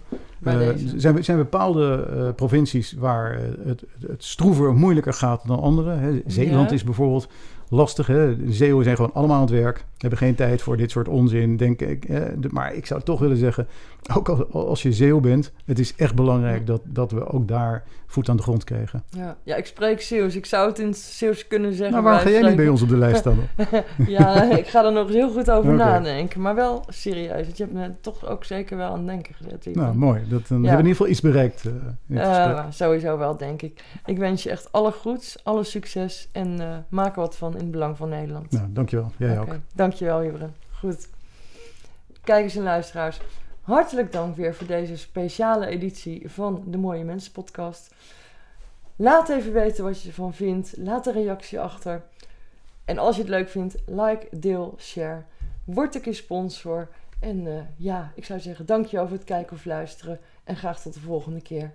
Dankjewel voor het kijken of luisteren naar de Mooie Mensen podcast. De podcast vol met mooie mensen en echte verhalen. Ik vind het superleuk als je een reactie achterlaat en even laat weten wat je ervan vindt. Op mijn website mooiemensenpodcast.nl staan nog meerdere afleveringen. En daar kun je je ook abonneren op mijn nieuwsbrief, zodat je als eerste op de hoogte bent als er een nieuwe aflevering online staat. En bovendien maak je als nieuwsbriefabonnee exclusief kans om mooie prijzen te winnen. Maar behalve podcastmaker ben ik ook spreker, schrijver, auteur extern vertrouwenspersoon. Kijk maar eens op mijn site feach.nl. Dat klinkt heel ingewikkeld, maar dat is F-E-A-C-H.nl. En podcasts, die maak ik gratis. Maar als je een keer een aflevering wilt sponsoren of een donatie wilt doen, dan ben ik daar natuurlijk ontzettend dankbaar voor. Super bedankt nogmaals voor het kijken of luisteren. Vergeet niet te liken, te delen en te abonneren. En graag tot de volgende keer. En als je kijkt via YouTube, blijf nog even hangen, want dan volgt nog even heel kort wat extra informatie.